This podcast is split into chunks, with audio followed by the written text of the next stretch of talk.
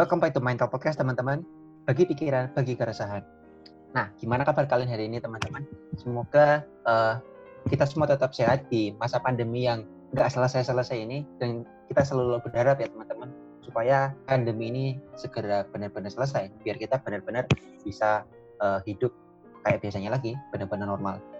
Nah, uh, kali ini kita bakal bahas uh, satu hal yang cukup ini ya, cukup cukup banyak diperbincangkan belakangan dan cukup uh, membingungkan bagi beberapa orang yaitu tentang new normal.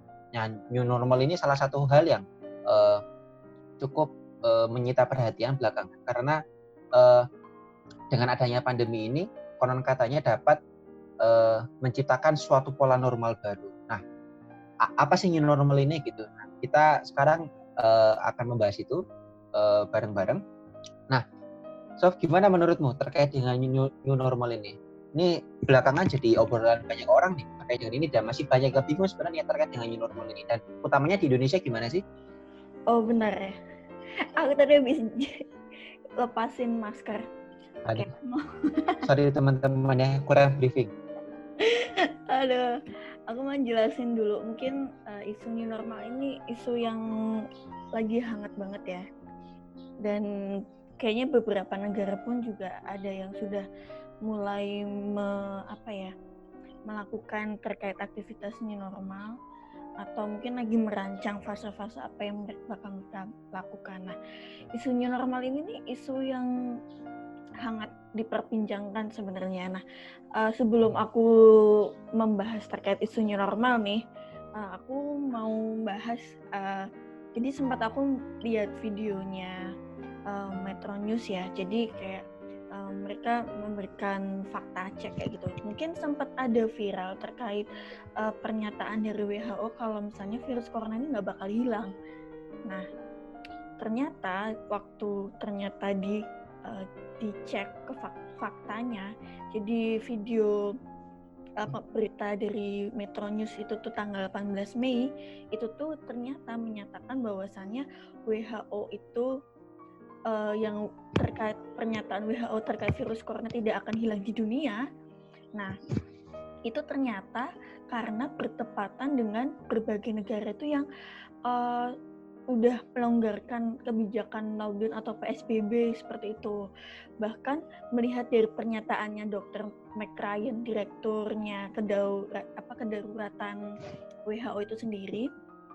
Nah, uh, beliau juga bilang kalau misalnya waktu tanggal 17 Mei ya, itu tuh bilang bahwasannya uh, penting diketahui virus uh, COVID ini tuh bisa menjadi virus endemik yang ada di masyarakat kayak gitu dan ini tidak mungkin akan pernah hilang. Dia bilang kayak gitu beliau.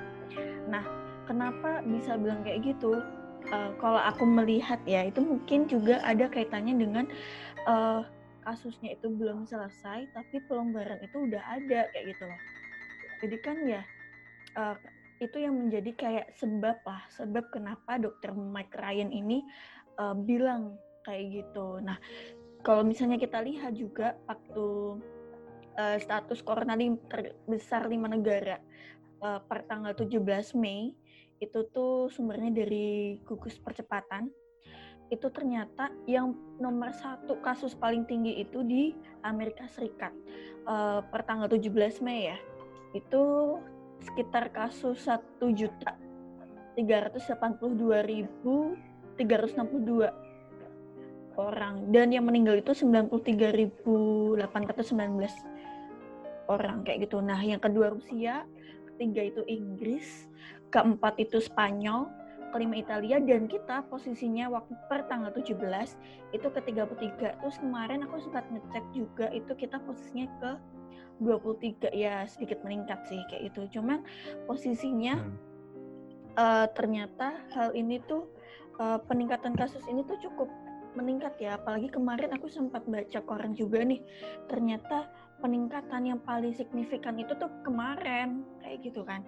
Nah dan ada juga nih nah itu ya hampir seribu ya kemarin peningkatannya yang mm-hmm, uh, katanya banget. jadi rekor sekitar 900 lebih ya kalau aku nggak salah yeah. dan itu kayak jadi rekor paling tinggi gitu dan hmm. uh, ternyata negara akan ada beberapa negara yang udah mulai uh, redam tuh terkait kasus corona kayak gitu. Tapi ada juga uh, dari situ ada juga negara yang menghadapi uh, gelombang kedua COVID-19 misalnya hmm. kayak di Korsel, hmm. Korea Selatan. Ternyata akhir-akhir ini tuh pada tanggal 10 Mei itu tuh ada kasus baru uh, tanggal jumlahnya tuh ada 34 uh, orang eh, 34 kasus baru. Ternyata itu ditemukan di uh, bar kayak gitu. Terus kemudian juga ada kasus new apa new wave itu ada di Tiongkok sama di Iran. Nah, uh, beberapa negara yang melakukan new wave ini rata-rata itu karena masyarakat ini tidak taat terkait physical distancing. Nah, bahaya juga nih kalau misalnya uh, ketika posisinya belum begitu redam, belum benar-benar recovery, belum belum selesai, eh ternyata masih aja tidak taat terkait physical distancing. Nggak cuman terkait new wave aja sih, cuman kayak beberapa negara yang tertinggi yang tadi aku sebutin, kayak di Amerika Serikat, kemudian di Rusia, Spanyol, Italia, dan itu ternyata beberapa hal yang menyebabkan itu tuh selain terkait pemerintah yang melonggarkan kebijakan terkait uh, pembatasan sosial ternyata juga terkait uh, apa namanya uh, masyarakat yang melanggar atau mengkhianati untuk tidak melakukan physical distancing kayak gitu. Nah, sedangkan uh, kalau misalnya kita, uh, kamu tahu uh, ternyata pernyataan Presiden Jokowi terhadap new normal ini tuh sudah disampaikan tanggal 15 Mei 2020 nih pernyataannya kayak gini uh, beliau menyatakan bahwasannya jadi dalam tantangan kehidupan baru nanti memang hmm. itu harus di, kita pegang dan kita harus berdamai dengan COVID-19.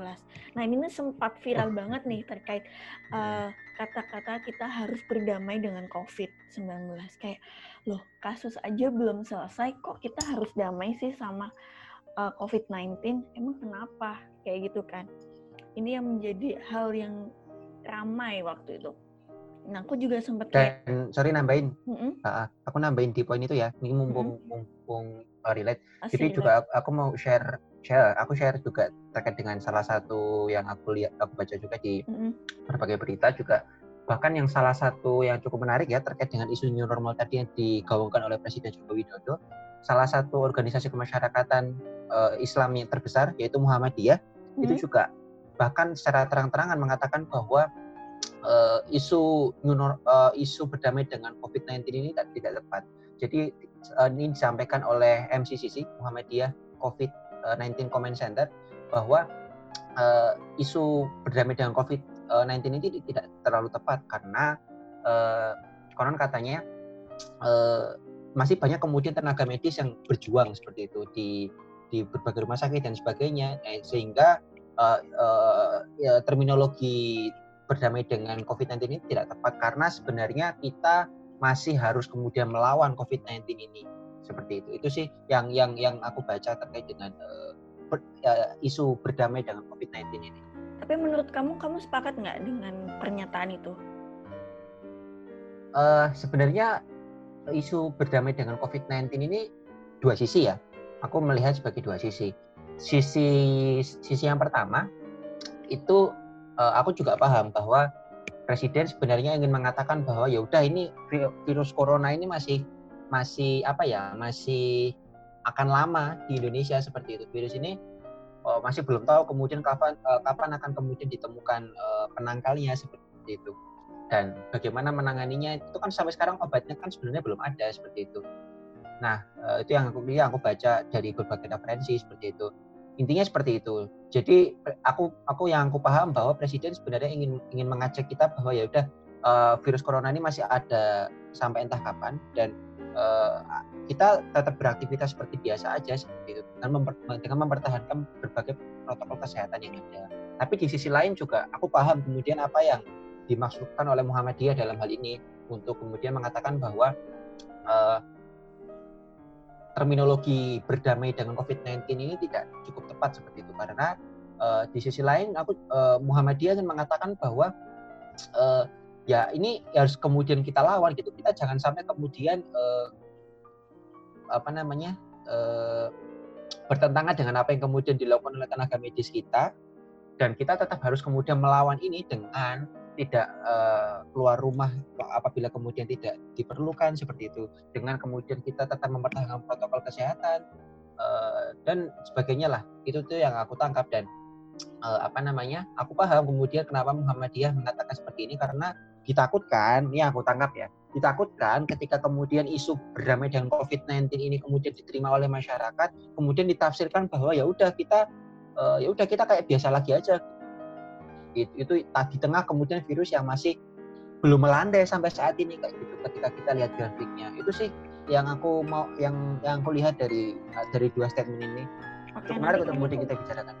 Oke, nanti kita kayaknya bakal melihat ya kayak apa sih sebenarnya uh, terkait berdamai dengan COVID dan new normal ini dan apa sih persyaratan dari WHO itu sendiri. Tapi sebelum ke sana aku mau hmm. kasih tahu juga ternyata dari situ juga ternyata sejumlah kementerian itu sudah uh, merumuskan prosedur gitu terkait kebijakan dan protokol di nah, ini menarik. era hmm. new normal ini. Kayaknya ini kamu punya ada hmm. pernah apa ya bukan bikin sih kayak pernah uh, apa baca satu artikel atau berita nih terkait uh, kementerian ini. Kalau aku lihat kayaknya tuh dari satu menteri ke menteri yang lain itu tuh kayak nggak sinkron gitu. Menurutmu gimana terkait pembahasan new normal ini? Ya, ya uh, ini memang juga salah satu topik yang cukup menarik ya.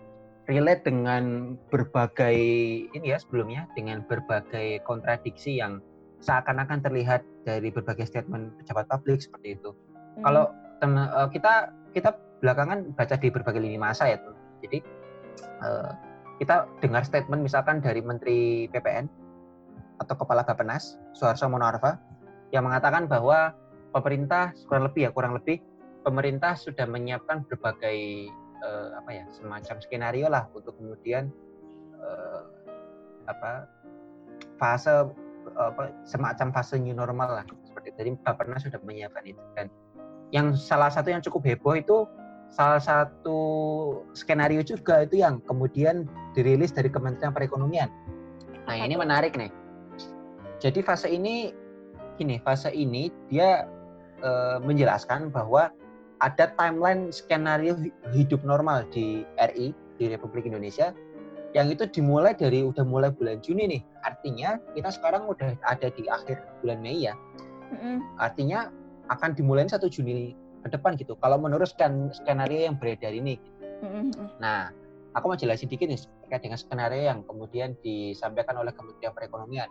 Jadi kajian dari Kementerian Perekonomian ini mengatakan bahwa fase ini uh, skenario hidup normal ini dibagi dalam empat fase. Nah, fase yang pertama itu eh sorry, lima fase.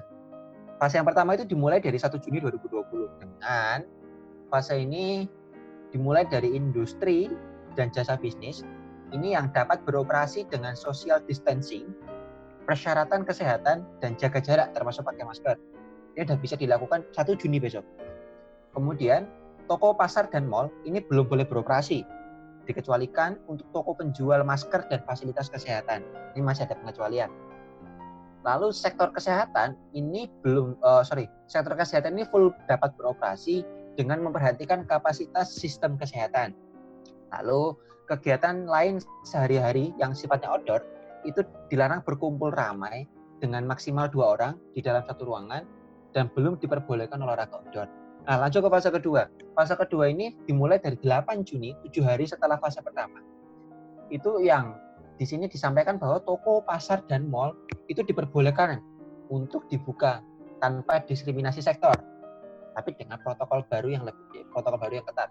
Dengan pengaturan pekerjaan, melayani konsumen, dan tidak diperbolehkan toko dalam keadaan ramai.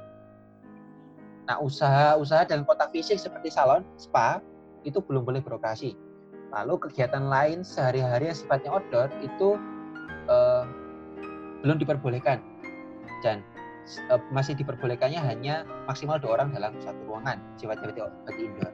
Nah, kita lanjut ke fase ketiga, itu dapat dimulai ketika 15 Juni 2020 yaitu toko, pasar, dan mall itu dapat tetap seperti pada fase kedua, namun ada evaluasi untuk pembukaan salon, spa, dan lain-lain dengan protokol kebersihan ketat. Sektor kebudayaan seperti museum, pertunjukan itu dapat dibuka namun dengan tidak adanya kontak fisik. Jadi tiketnya dijual hanya secara online. Jadi nggak boleh uh, tiket dijual secara offline itu nggak boleh. Dan dengan protokol jaga jarak. Lalu sektor pendidikan, nah ini nih. Sektor pendidikan itu uh, pembukaan sekolah itu sudah dimulai dibuka, namun dengan sistem shift sesuai jumlah kelas. Nah ini menarik nih. Jadi buat ibu-ibu juga info yang penting nih dan bapak-bapak juga sih. Nah gitu, jadi uh, itu, jadi intinya Juni 15, tanggal 15 itu menurut uh, dari apa, Kementerian Perekonomian itu apa namanya uh, sudah mulai bisa dibuka seperti itu. Dan kegiatan lain-lain seperti olahraga outdoor di apa namanya diperbolehkan dengan protokol seperti itu.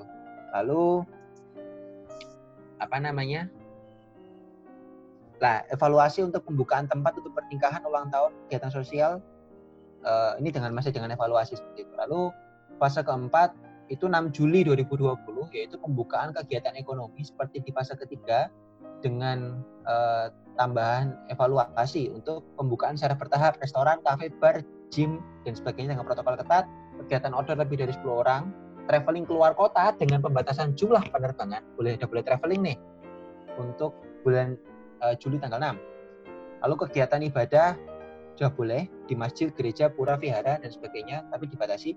Kegiatan berskala masih terus dibatasi. Kemudian yang terakhir fase kelima yaitu evaluasi untuk fase keempat dan pembukaan tempat-tempat atau kegiatan ekonomi dan kegiatan sosial dalam skala besar akhir Juli atau awal Agustus diharapkan sudah membuka seluruh kegiatan ekonomi dan selanjutnya akan dilakukan evaluasi secara berkala sampai vaksin bisa ditemukan dan disebarluaskan. Jadi intinya ada lima fase di situ yang mengatur terkait dengan fase new normal ya semacam itu yang itu sudah cukup ramai kemudian diberitakan. Tapi nah ini ya tapinya kemudian kemarin berita beberapa hari yang lalu itu juga udah uh, ada lagi gitu bahwa Menteri Perekonomian Erlangga Hartarto itu mengatakan bahwa uh, tidak akan ada pelonggaran uh, eh, PSBB sampai kemudian uh, virus corona ini kurang lebih ya virus corona ini uh, dapat disembuhkan di Indonesia. Ini ah ini beberapa beberapa hal yang cukup membingungkan ya. Itu. Uh, ya oke. Okay. Jadi ada dua statement dengan uh, kontradiksi yang beda kalau aku lihat. Jadi satu sisi itu mengilhami untuk uh, go menuju ke new normal dengan fase-fase berikut. Terus aku lihat dari fase itu kan juga uh, itu pasti kalau itu bakal ada pelonggaran PSBB yang tadi kamu bilang bahwasannya uh, terkait pembukaan dari sektor uh, usaha kemudian uh, kemudian konser itu ada jaga jarak fisik kemudian apa misalnya kayak kegiatan ibadah dan lain-lain sebagainya itu kan juga uh, punya itu kan sifatnya berkerumun sebenarnya walaupun uh, secara tidak langsung ada embel-embel kayak seperti jaga jarak dan lain sebagainya. Tapi kan itu masih ada uh, sebagai apa ya?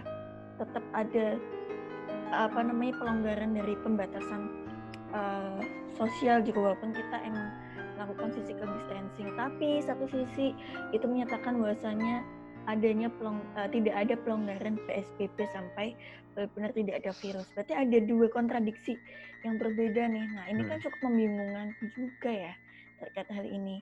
Nah, uh, kayaknya sebelum kita membahas sampai jauh kenapa sih kok para menteri uh, punya statement yang berbeda. Nah, ini ada hal yang menarik juga nih. Kayaknya uh, apa ya?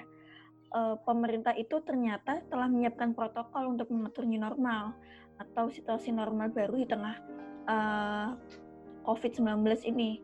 Nah, uh, dari kebijakan gimana sih tata cara ibadah sampai langkah ke restoran yang tadi kamu juga sempat uh, singgung tadi kan. Nah, ternyata ada uh, tiga provinsi sebagai proyek percontohan pertama new normal ini. Ya. Pertama Mana itu ada di, di Bali dan ini rata-rata daerah uh, sektor apa ya? Sektor pariwisata kayak di Bali. Hmm kemudian di Jogja, sama yang satunya lagi tuh di Riau. itu kan uh, hmm. seperti kayak di Bali sama Jogja ini kan uh, terkait apa ya uh, pendapatan tertinggi itu kan di sektor wisata ya kayak itu. Nah itu yang menjadi proyek percontohan pertama dalam uh, new normal di Indonesia ini. Nah ini kayaknya cukup menarik bahwasannya emang ternyata pemerintah kalau aku analisis ya ternyata pemerintah ini lagi menggenjot sektor perekonomian terutama dari sektor wisata kayak gitu. Dengan uh, mencoba mencoba apa ya memproyeksikan tiga provinsi ini kayak gitu yang aku lihat. Terus tapi ada tapinya. Aku nggak tahu ya terkait kebijakan yang tadi sudah kita sampaikan dari uh, terkait isu normal tadi yang kamu sampaikan terkait ada beberapa fase kemudian yang tadi aku sebutin tadi ternyata ada percontohan terkait normal itu tapi ternyata ap, uh, apakah itu ada terkait diskusi dengan pakar atau tidak itu uh, kayak masih uh, belum aku belum tahu sih apakah mereka benar-benar hmm. melibatkan dengan uh, pakar ya terkait uh, mengusungkan kebijakan. Tapi hal yang menarik ternyata peneliti epidemiologi atau peneliti wabah ini menyebutkan rencana menghadapi new normal ini sangat berbahaya karena hmm. potensi meningkatkan risiko penularan COVID di tengah masyarakat, apalagi di Indonesia. Nah, sini juga menyebabkan berdasarkan penelitian uh, sekitar 80% kasus COVID-19 itu adalah infeksi tanpa gejala atau orang tanpa gejala. Nah ini kan bahaya hmm. banget nih. Nah ternyata juga uh, di rapat kabinet uh, tentang new normal itu uh, sebelum sebelum rapat kabinet tanggal 18 Mei itu tentang new normal ini ternyata beberapa menteri itu tuh sudah menyinggung terkait pelonggaran pembatasan misalnya uh, memperbolehkan warga usia 45 tahun ke bawah untuk kembali bekerja atau ya itu ini ya Menteri BUMN ya yang membolehkan hmm. apa pegawai BUMN bukan membolehkan menginstruksikan pegawai BUMN untuk udah mulai kerja kalau nggak salah akhir bulan Mei ini. Iya. Untuk pegawai BUMN mm -mm, bener. Itu kan sempat ramai juga kan terkait itu sampai hmm. banyak kontradiksi juga terkait uh, pernyataan itu. Terus sama ini nih yang uh, apa ya yang benar-benar panas ya nggak panas sih hangat lah. Uh, memperbolehkan kelompok masyarakat tertentu untuk mudik. Bahkan okay. kan sempat uh, kita bahas kan kemarin episode yang kemarin terkait uh, antara pulang kampung dengan mudik kayak gitu. Boleh? Yeah, yeah. boleh pulang kampung apa boleh pulang kampung tapi nggak boleh mudik boleh. Atau terus ada juga yang bilang pulang kampung sama mudik itu sama aja hal-hal yang kayak gini kan hmm. uh, istilahnya kayak ada perbedaan statement terkait ini. Nah, terkait pelonggaran-pelonggaran ini kan ternyata sudah disinggung sebelum adanya rapat kabinet terkait new normal ini. Kayak gitu. Nah, ternyata ini bahaya karena emang uh, dari segi risiko uh, kasus itu tuh rata-rata tuh uh, di Indonesia itu adalah OTG, uh, infeksi tanpa gejala kayak gitu. -hmm terus aku juga bakal nyinggung juga. Ternyata di sini aku uh, lihat artikel ya uh, lewat BBC ternyata di sini nyebutin eh BBC atau ABC uh, peneliti epidemiologi dari Ejikman Oxford Clinical Research Unit Henry Surendra mengatakan bahwa uh, jika yang dituju pemerintah itu dengan melakukan pengurangan pembatasan sosial untuk menciptakan herd immunity maka rencana itu sangat berbahaya kayak gitu. Nah mungkin uh, yang disebut yang disebut dengan herd immunity itu apa kekebalan imun ya pada masyarakat untuk uh, terkait terpaparnya COVID gitu. Nah, menurut aku ini juga bahaya juga nih kalau misalnya uh, menciptakan herd immunity ini, sedangkan kasus pelon, apa ya, penurunan aja belum terlalu signifikan, dia belum konsisten kayak gitu sih. Nah, nih uh, sedangkan menurut WHO ini uh, sebelum langkah pelonggaran pembatasan untuk menuju new normal diterapkan, harusnya pemerintah itu membuktikan bahwa transmisi virus corona ini sudah dikendalikan. Pelonggaran pembatasan menurut WHO ini harus dilakukan secara bertahap dan otoritas terkait diminta mengevaluasi kebijakannya. Nah, ada uh, yang perlu diperhatikan dari WHO nih. Pertama, transmisi virus yang sudah dikendalikan. Nah, apakah Indonesia hmm. sudah melakukan hal tersebut? Nah, ini kan sebuah tanda tanya nih. Kemudian uh, pelonggaran ini dilakukan secara bertahap. Apakah ini sudah mulai dilakukan?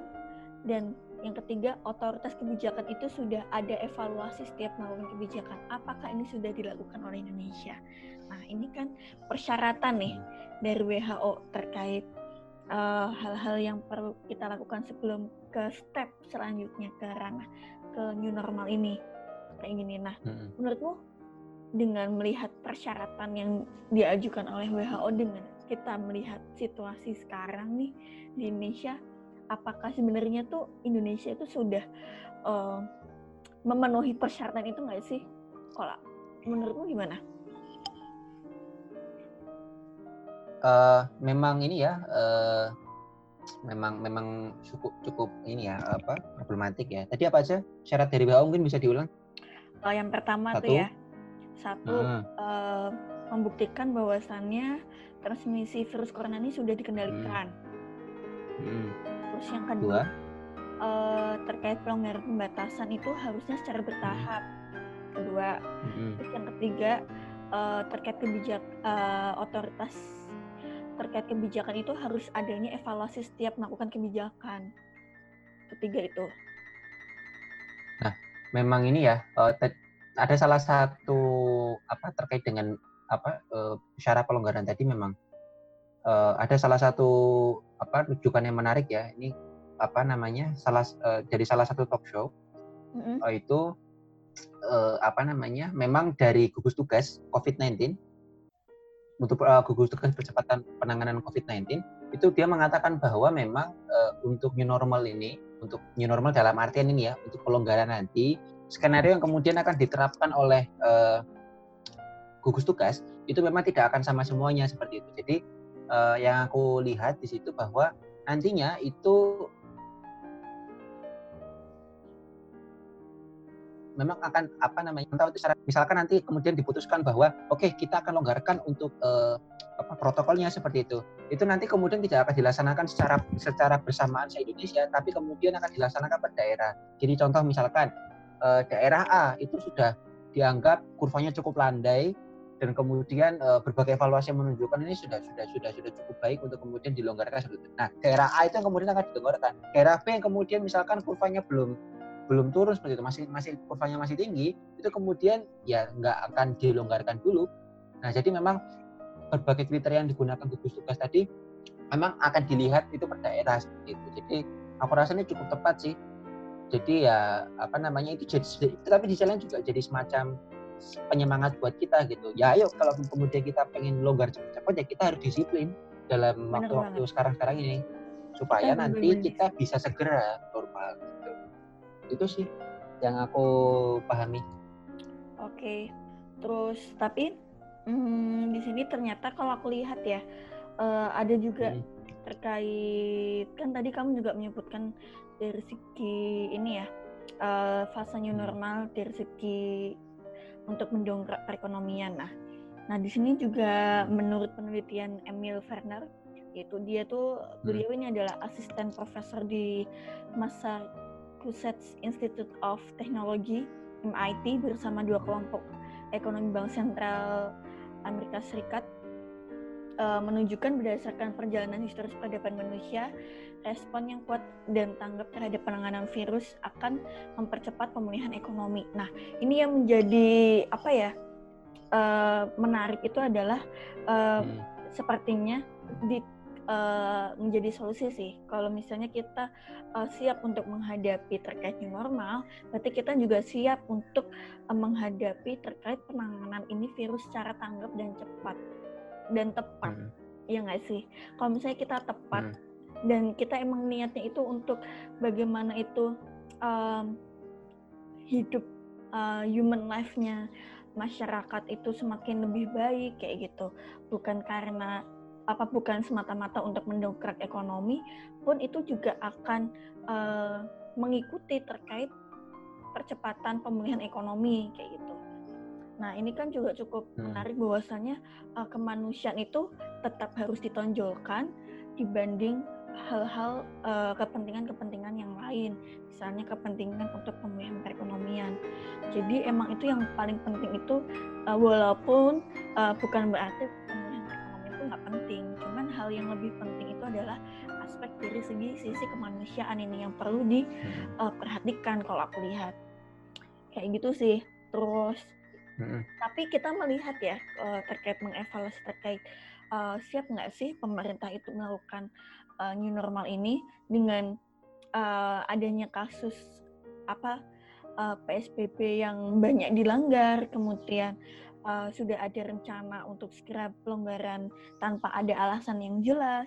Habis itu ternyata para pakar sains atau ilmuwan itu merasa tidak dilibatkan ternyata eh, oleh pemerintah dalam mengambil keputusan kebijakan itu sehingga eh, jika ada pernyataan Indonesia itu sudah aman dari virus corona itu pun juga tidak memiliki bukti ilmiah kayak gitu. Nah ini nih juga berdasarkan menurut Profesor Jeremy Rossman ini Hmm. nih masalah pandemi virus corona ini menjadi lebih kompleks dan karena tidak punya cukup data dan fakta sains yang dilontarkan kayak gitu. Nah ini kan cukup Hmm. menarik ya bahwasannya kalau misalnya kita melihat dari kebijakan-kebijakan pemerintah sekarang ini kan juga hanya berdasarkan asumsi tapi tidak melihat dari segi fakta sains yang ada gitu uh, data-data uh, ilmiah yang sudah dilakukan oleh ilmuwan-ilmuwan yang sudah melakukan riset kayak gitu. Dan ini kan sangat disayangkan kayak gitu. Uh, kalau misalnya, kayaknya kita kemarin juga sempat bahas ya kemarin terkait Hmm. uh, pentingnya kolaborasi antara pemerintah dengan uh, pakar atau ilmuwan kayak gitu ketika mereka bisa saling berkolaborasi satu sama lain dalam penanganan COVID pun juga bakal uh, tepat kayak gitu. Ya nggak sih? Menurutmu gimana? Eh, ini juga salah satu yang menarik sih. Jadi ada salah satu apa namanya pengamat ekonomi yang apa namanya eh, terkenal yaitu Faisal Basri. Itu Mm. juga mengenal, menunjukkan statement bahwa apa namanya ini masih di salah satu talk show bahwa ini kok seakan-akan pemerintah ini mengatakan misalkan Juni akan melonggarkan sesuai skenario tadi ya yang yang aku sampaikan. Kayak Juni misalkan mau melonggarkan dan sebagainya itu sebenarnya kok seakan-akan kayak land, apa landasannya ya memang apa yang disampaikan oleh apa keinginannya presiden seperti itu. Kan dulu kita ingat bahwa presiden inginnya ya Juni ini sudah sudah mulai landai dan sebagainya. Tapi nyatanya eh, kurvanya masih belum landai kayak gitu. Bahkan rekornya pun baru beberapa hari yang lalu gitu yang hampir seribu sehari. Itu kan artinya kurva kita masih masih masih meningkat seperti itu. Nah itu itu menandakan bahwa kita sebenarnya masih belum bisa melonggarkan kayak gitu. Dan eh, pakar epidemiologi dari UI aku lupa namanya siapa itu juga sebenarnya em, bahkan bilang bahwa ya ini kita belum saatnya untuk kemudian eh, apa namanya belum saatnya untuk kemudian melonggarkan karena eh, kurva kita ya masih masih tinggi kayak gitu. Itu sih. Jadi memang seharusnya aku aku merasa bahwa pakar ini harus memang lebih dilibatkan dalam setiap pengambilan keputusan. Jadi kajian-kajian itu ya harusnya melibatkan pakar gitu. Kayak ini eh, ini ya inline dengan apa yang kita sudah lakukan episode sebelumnya dan sebelumnya lagi nih terkait Hmm. eh, apa kita lagi-lagi membahas terkait kematian kepakaran matinya kepakaran dari Tom Nichols Hmm. itu terus kita nyambung Hmm. eh, harusnya tuh pakar tuh mau ngapain sih ya nggak sih saya Iya. harusnya tuh Hmm. posisinya pakar itu dilakukan di mana dan eh, harus ada kolaborasi dengan pemerintah kayak gitu nah ini mungkin menjawab apa yang sudah kita eh, bicarakan dari episode-episode Hmm. sebelumnya kayak gitu nah Iya. benar banget Iya kan?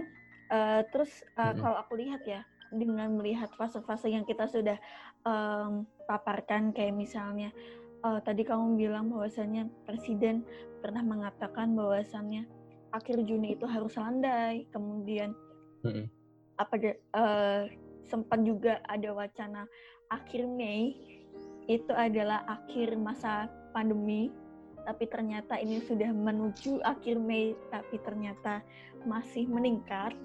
Kemudian juga ada yang menyatakan Juli, nggak tahu besok Juli seperti apa, semoga aja. Uh, bahkan ada hmm. skenario paling terburuk itu adalah akhir tahun. Oke teman-teman, nah itu tadi bahasan kita ya soal new normal. Nah, gimana nih menurut teman-teman soal new normal? Nah, jadi teman-teman bisa komen ya di bawah ini, bisa komen. Buat teman-teman yang di podcast bisa juga bisa komen, komen juga. teman-teman yang di Spotify bisa juga komen lewat Anchor ataupun lewat channel YouTube kita biar kita bisa diskusi di situ dan kita juga bisa dengar apa yang jadi pandangan teman-teman soal new normal.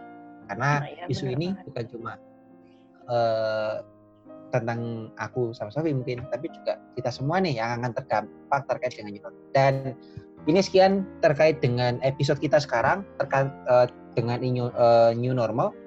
Sampai jumpa lagi di episode selanjutnya dan pantengin terus ya uh, channel kita. See you. See you.